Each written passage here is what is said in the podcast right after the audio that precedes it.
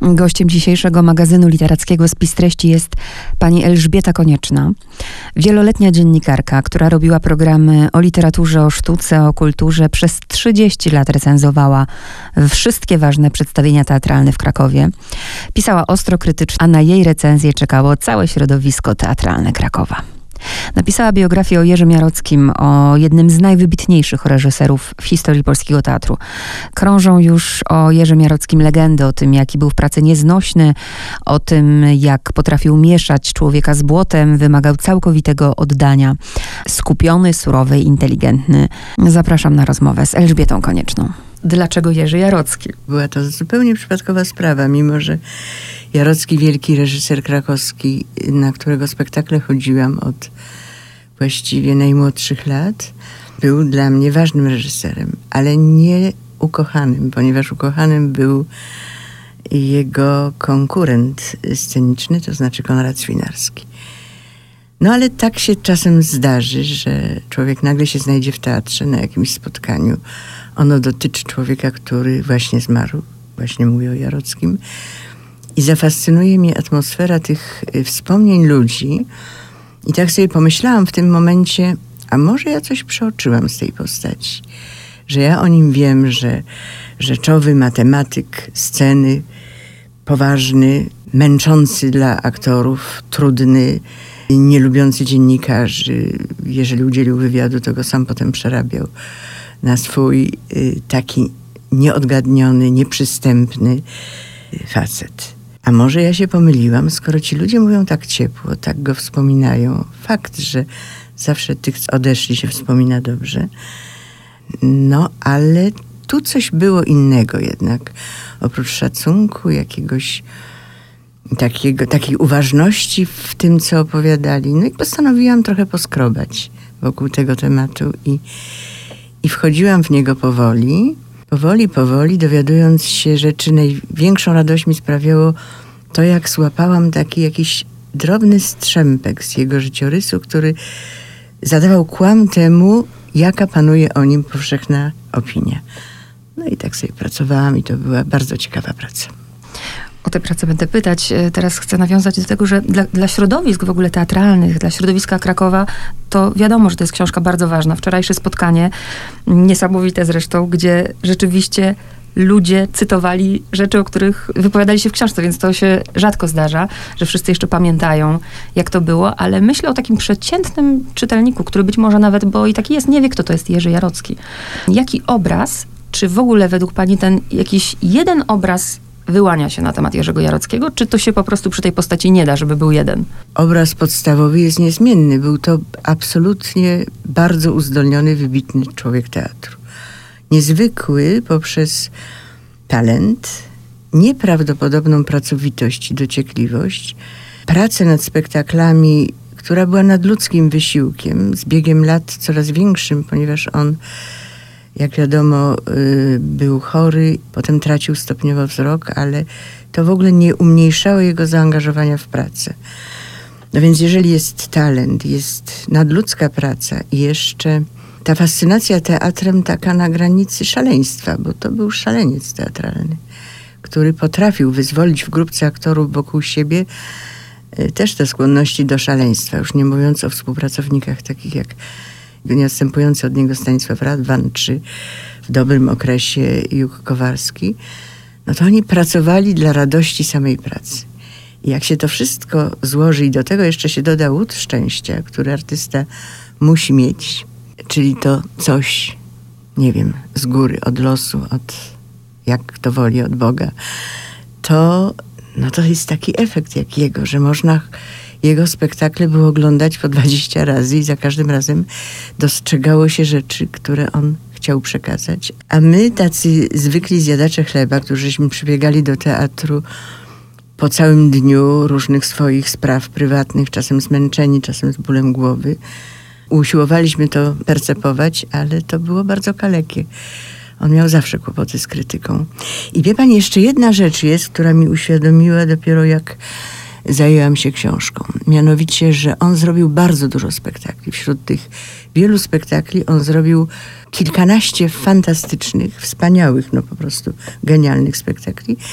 Bardzo dużo dobrych i dużo kontrowersyjnych, ale w najgorszym, według uznaniu krytyki spektaklu, był Wielki Jarocki. To chociaż była scena, taka, którą się pamięta. To były postacie, no Faust był uznany, y, właściwie przez krytykę był zniszczony absolutnie. Ale w tym Faustie co uznali wszyscy krytycy w Polsce i widzowie, i pamiętają do dziś, były dwie genialne role. Mefistotreli i Segda jako Małgorzata. Tak. No więc, no proszę sobie wyobrazić, jak mogą być w knocie dwie duże role? To znaczy, że te gwiazdy musiały świecić na jakimś takim firmamencie, no, dobrym, ładnym, zakomponowanym po prostu. Nie ma przypadków, to jest niesamowite jak, tak, tu Stanisław Radwan, który skomponował do Fausta y, muzykę, zresztą nie tylko. Tutaj y, rozmowa z Jackiem Burasem, który przecież tłumaczył tego Fausta, tak, którego tak. Jarocki wyreżyserował. Ja mówię, to jest coś niesamowitego, że to wszystko się tak zbiegło akurat w tym czasie. Tak. W tej książce wypowiada się bardzo wielu ludzi, bardzo wielu znanych aktorów, sławnych aktorów. Ja ich nie będę wymieniać, bo tych nazwisk jest bardzo dużo, choćby wymienić kilka. Anna Polony, Jerzy Trela, Jan Frycz, yy, nawet Małgorzata Korzuchowska z tych młodych. Czy ktoś pani odmówił? Ze względu właśnie na postać Jarockiego. Prawdę mówiąc, były na palcach jednej ręki trzech, można policzyć odmowy. I to były takie, może z jednym wyjątkiem, bo jedna z tych osób to po prostu miała jakieś duże swoje kłopoty życiowe wtedy. To był jeden powód, ale myślę, że jeszcze był drugi, że ta osoba, która y, po prostu y, wielbiła Jarockiego, myślała sobie, że być może ta, ta rozmowa w książce, jak zaistnieje, to ona spłaszczy towarzysze tej osoby, więc jakby tak nie bardzo ufała, czy, czy da się opisać Jarockiego. Czyli nie w tę stronę, że, że taka krzywda się stała. Nie, nie. Mhm. Natomiast była też osoba, która po prostu uważa, że mimo, że mu wszystko zawdzięcza, bo raczkowała, nie wymieniam płci, mhm. y, u mistrza Jarockiego, no to uważa, że jest wielka i co tam będzie sobie zawracać głowę jakimś już nieżyjącym starym, nudzącym reżyserem. No i była też jeszcze trzecia osoba, która podejrzewam, że postanowiła, że to ona napisze książkę. No to jak napisze, no to Niech jej pisze. prawo. jej prawo. A tak to to ludzie podchodzili do tego szalenie poważnie. I była to frajda dla mnie jako dziennikarza, dlatego że ja wiedziałam, że nie ściemniają, że nie opowiadają o sobie, i dopiero w drugim planie o Jarockim, że nie koloryzują mówiąc, że uważał, że, że ktoś jest genialny, świetny, że przyznają się do tego, jaki dostawali łomot od niego. Jan Englert, y, dyrektor Teatru Narodowego, opowiadał mi, że przyjął Jarockiego z błądzeniem do y, swojego teatru. Sam był młodym dyrektorem świeżym dyrektorem. Błądzenie miało bardzo złą opinię, bo przecież został Jarocki wyrzucony z dramatycznego teatru z tym błądzeniem. No i działy się sceny dantejskie na, na próbach, bo e, Jarocki był zdenerwowany, zespół był zdenerwowany, zespół nie dowierzał, Jarocki nie dowierzał, zespół był nowy, Jarocki z nimi nigdy nie pracował. Dyrektor był nowy, musiał dbać o swój autorytet, a Jarocki go gnębił jak sztubaka na, na scenie i to już mi mówili ludzie naokoło, że znosił to z taką pokorą, że jakby na nowo uczyli się aktorzy zawodu od Englerta, tej umiejętności pokornego przyjmowania uwag. Proszę sobie wyobrazić, że ile razy była próba wznowieniowa błądzenia, to Jarocki mu przynosił nową wersję jego roli Gombrowicza, zresztą zagranej fantastycznie i ci Państwo, którzy nie mieli okazji tego oglądać, jest takie no dość kalekie nagranie telewizyjne tego spektaklu, ale tam widać, jakie tam są role właśnie. Między innymi, jak świetną rolę zagrał y, Jan Englert. I pięknie, jak pani powiedziała o tym, że młodzi się uczyli. Tam nawet jest moment w tej książce, gdzie no jest takie wspomnienie, że Jarocki nie umiał już pracować z młodymi aktorami, bo są po prostu nieoczytani, a on do kości, prawda, aż tak, wchodził tak, w ten tak, tekst. Tak, tak. A tam właśnie mi opowiadała, a to jeszcze pani opowiem, rzecz taką bardzo ciepłą o nim, zważywszy, że rozmawiamy o mistrzu, który miał przydomki tresera, brzytwy i, i, i Bóg wie kogo jeszcze. Mianowicie tam była asystentką przy tangu młoda y, dziewczyna, która już jest reżyserem w tej chwili, już robi spektakle w Polsce i też chyba na Słowacji ostatnio robiła. W każdym razie nazywa się Pia Partum i ona miała malutką córeczkę, dopiero się urodziło to dziecko. Sama była w jakichś bardzo trudnych warunkach finansowych, więc jak jej zaproponował Jarocki, y, żeby była asystentką, no to się absolutnie zgodziła i można sobie wyobrazić, co ona musiała wyprawiać żeby y, spełniać obowiązki matki i siedzieć na tych próbach do późnych godzin nocnych. I w pewnym momencie Jarocki się zorientował, że ktoś mu widocznie powiedział, że ona ma małe dziecko i zaczął tak nieudolnie podpytywać, a czy pani ma dobre warunki w domu, a czy pani nie ma jakiegoś kłopotu? Już w końcu zaczął pytać, czy ma jakiegoś psa, czy jakieś zwierzę w domu.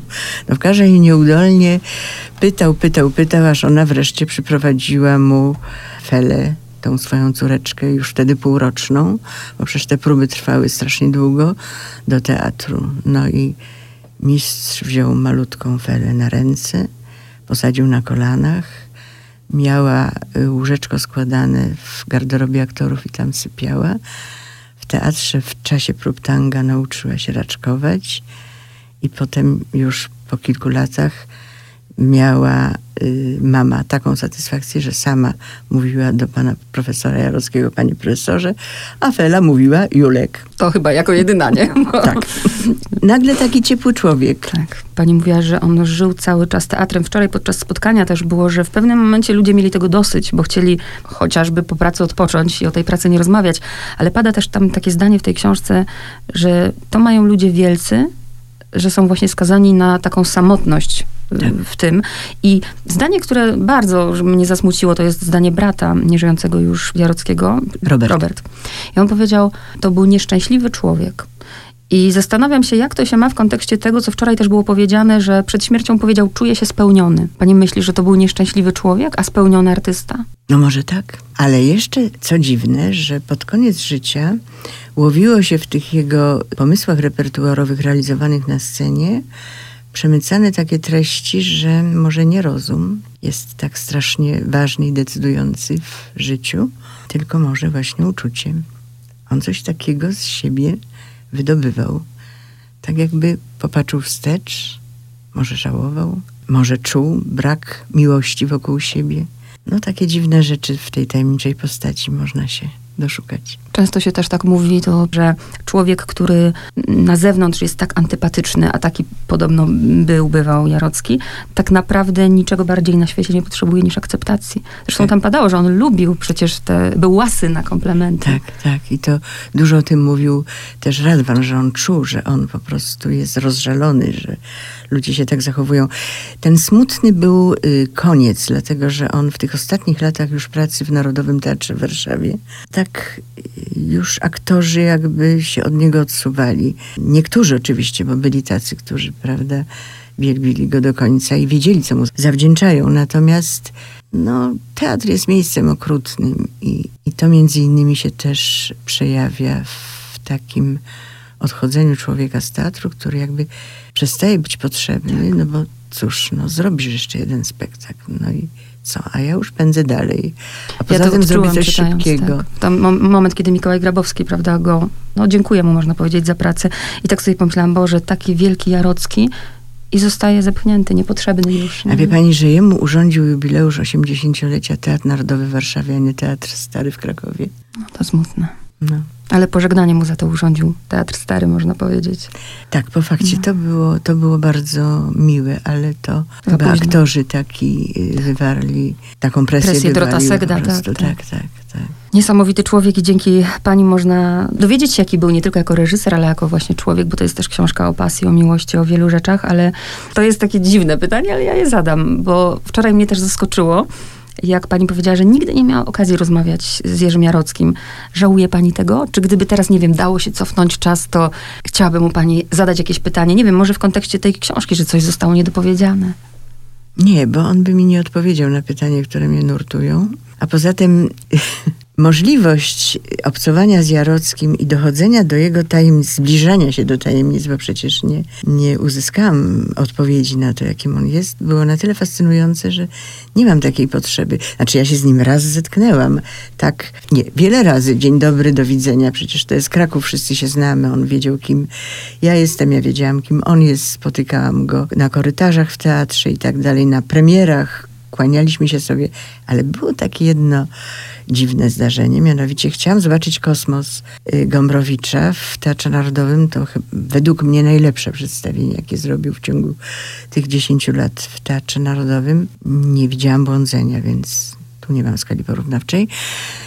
No i zadzwoniłam do teatru, poprosiłam o, o wejściówkę, przyjechałam i posadzono mnie koło Jarockiego. No więc przywitaliśmy się ze sobą i ja wtedy prawie zamarłam, bo sobie uświadomiłam, co to jest siedzieć koło Jarockiego, który reaguje y, na to, co się dzieje na scenie. No wiadomo, że są różni tacy reżyserzy, którzy się zachowują okropnie. Tam lupa sapie, krzyczy, mruczy, wstaje. Nie mówiąc już o tym, co wyprawiał kantor, jak aktorzy grali na scenie. I tu ten Jarocki. Więc kompletnie przerażona siedzę, zaczyna się spektakl. No i jeszcze obserwuję, że on siedzi prosto, wyprostowany, trzyma ręce na udach, położone tak płasko, patrzy przed siebie. Aktor jest po lewej stronie kulisy, w ogóle nie patrzy w tamtą stronę, tylko cały czas na wprost siebie. Sobie myślę, no mumia, no po prostu straszliwa mumia. Oczywiście spektakl był tak wspaniały, że ja natychmiast zapomniałam, że jest Jarocki koło mnie. Kończy się, no to zdawkowo mówię mu tam coś, że, że dobre przedstawienie. On mówi, nie, nie, dzisiaj nie było dobre. Wie pani, dzisiaj mam duże zastrzeżenie. No rozstajemy się. Ja nie zdawałam sobie sprawy, że on już był ślepy, że on już właściwie nie widział. I on brał ten spektakl na słuch. A słuch miał taki, mi się najbardziej podoba określenie Englerta, że taki słuch mogą mieć chyba tylko delfiny, że on, nie wiem, on słyszał powietrze, on słyszał i widział aktora równocześnie w tym słuchaniu, który ma taki uśmiech, czyli zły, tu go poprawiał. Dziwne. Ja o nim myślę w ogóle w kategoriach, tak samo jak o Stanisławie Radwanie, że to są tak wyjątkowe jakieś osoby, jednostki, że coś niesamowitego. A jeszcze pani opowiem jedną anegdotkę. Jak się zachował na premierze y, Kasi z Heilbronu. Y, główną rolę Kasi grała y, Kinga Price. Była to młoda studentka ze szkoły teatralnej we Wrocławiu. To był jej w ogóle debiut, no więc była przerażona i posadzono go, jej matkę koło Jarockiego. A Jarocki sapał, mruczał, tupał. Był wściekły, bo mu się nic nie podobało, bo on by poprawiał nieskończoność. Także matka na przerwie się przesiadła, bo nie dosyć, że siedziała sparaliżowana, bo cór, córka miała debiut, to jeszcze miała obok niezadowolonego reżysera. Natomiast Kinga Price na przerwie pobiegła do toalety i zamknęła się na haczyk, ponieważ wiedziała, co będzie, że będzie jej, szukał i, i, będzie jej dawał uwagi i ona już tego absolutnie psychicznie nie zniesie. I słyszała, jak chodził po korytarzu i mówił, gdzie jest pani Kinga, gdzie jest pani Kinga? No to była wielka jej rola i wszyscy krytycy w Polsce twierdzili, że był to od wielu lat najlepszy debiut y, studentki jakiejkolwiek szkoły teatralnej w Polsce. Myślę sobie też, jaką te historie, które czytałam w tej książce, jaką trzeba mieć rzeczywiście odporność, bo ktoś wrażliwy no, może mieć traumę na całe życie. Tak, tak. On, no, byli ludzie, którzy byli przez niego jakby to powiedzieć, no krótko mówiąc, zniszczeni. Ale tak jak pan Trela powiedział, ja go znam, że tak. ktoś, kto jakby wiedział, to nie brał tego tak do siebie. Coś niesamowitego, tak, takie tak. szczęście mieć, pracować z taką osobą, bo jest jeden, trzeba to powiedzieć otwarcie i uczciwie, z najlepszych reżyserów. Tak, tak, tak. Koniecznie o tej warsztatowej pracy chciałam porozmawiać, bo taką kobyłę, taką książkę, żeby napisać, ja tak z ciekawości pytam, ile to pani zajęło? Znaczy, Łącznie z, bo zbieranie bo, materiałów to pewnie gdzieś było latami. To znaczy, nie? nie, nie. Zbieranie materiałów to był taki dobry rok, przy czym ja byłam zajęta pewnym zobowiązaniem, które musiałam wykonać, więc to było tak na pół gwizdka. No i potem miałam jeszcze taką y, dłuższą jakby niewydolność pracy y, związaną z, ze sprawami osobistymi, chorobą kogoś bliskiego i musiałam się trochę wyłączyć. No więc w sumie, gdyby to tak ścisnąć, to takiej ostrej pracy to byłoby ze 3-3,5 roku. A sama kompozycja tego, żeby to właśnie taki miało charakter, a nie inny. Siedem części, bardzo wzruszające ostatnie dziesięciolecie, bardzo ciekawy rozdział, czy Jerzy Jarocki ma kłopoty z Jerzym Jarockim. Krótko odpowiedzmy, miał? No pewnie, że miał i wiedział, jaki jest. I kompozycyjnie to był jakiś tu element narzucania przez wydawnictwo? Nie, nie, nic, nic. Wydawnictwo się nic nie wtrącało. I muszę zadać to pytanie. Ja nie wierzę, że na tym będzie koniec. Nie mówię o Jerzym Jarockim, ale myślę o Swinarskim. Powstanie biografia. No, mm, jak rozmawiałam o biografii Jarockiego, to wtedy padało pytanie o, o y, Swinarskiego. Nie wiem, czy miałem odwagę. nie wiem.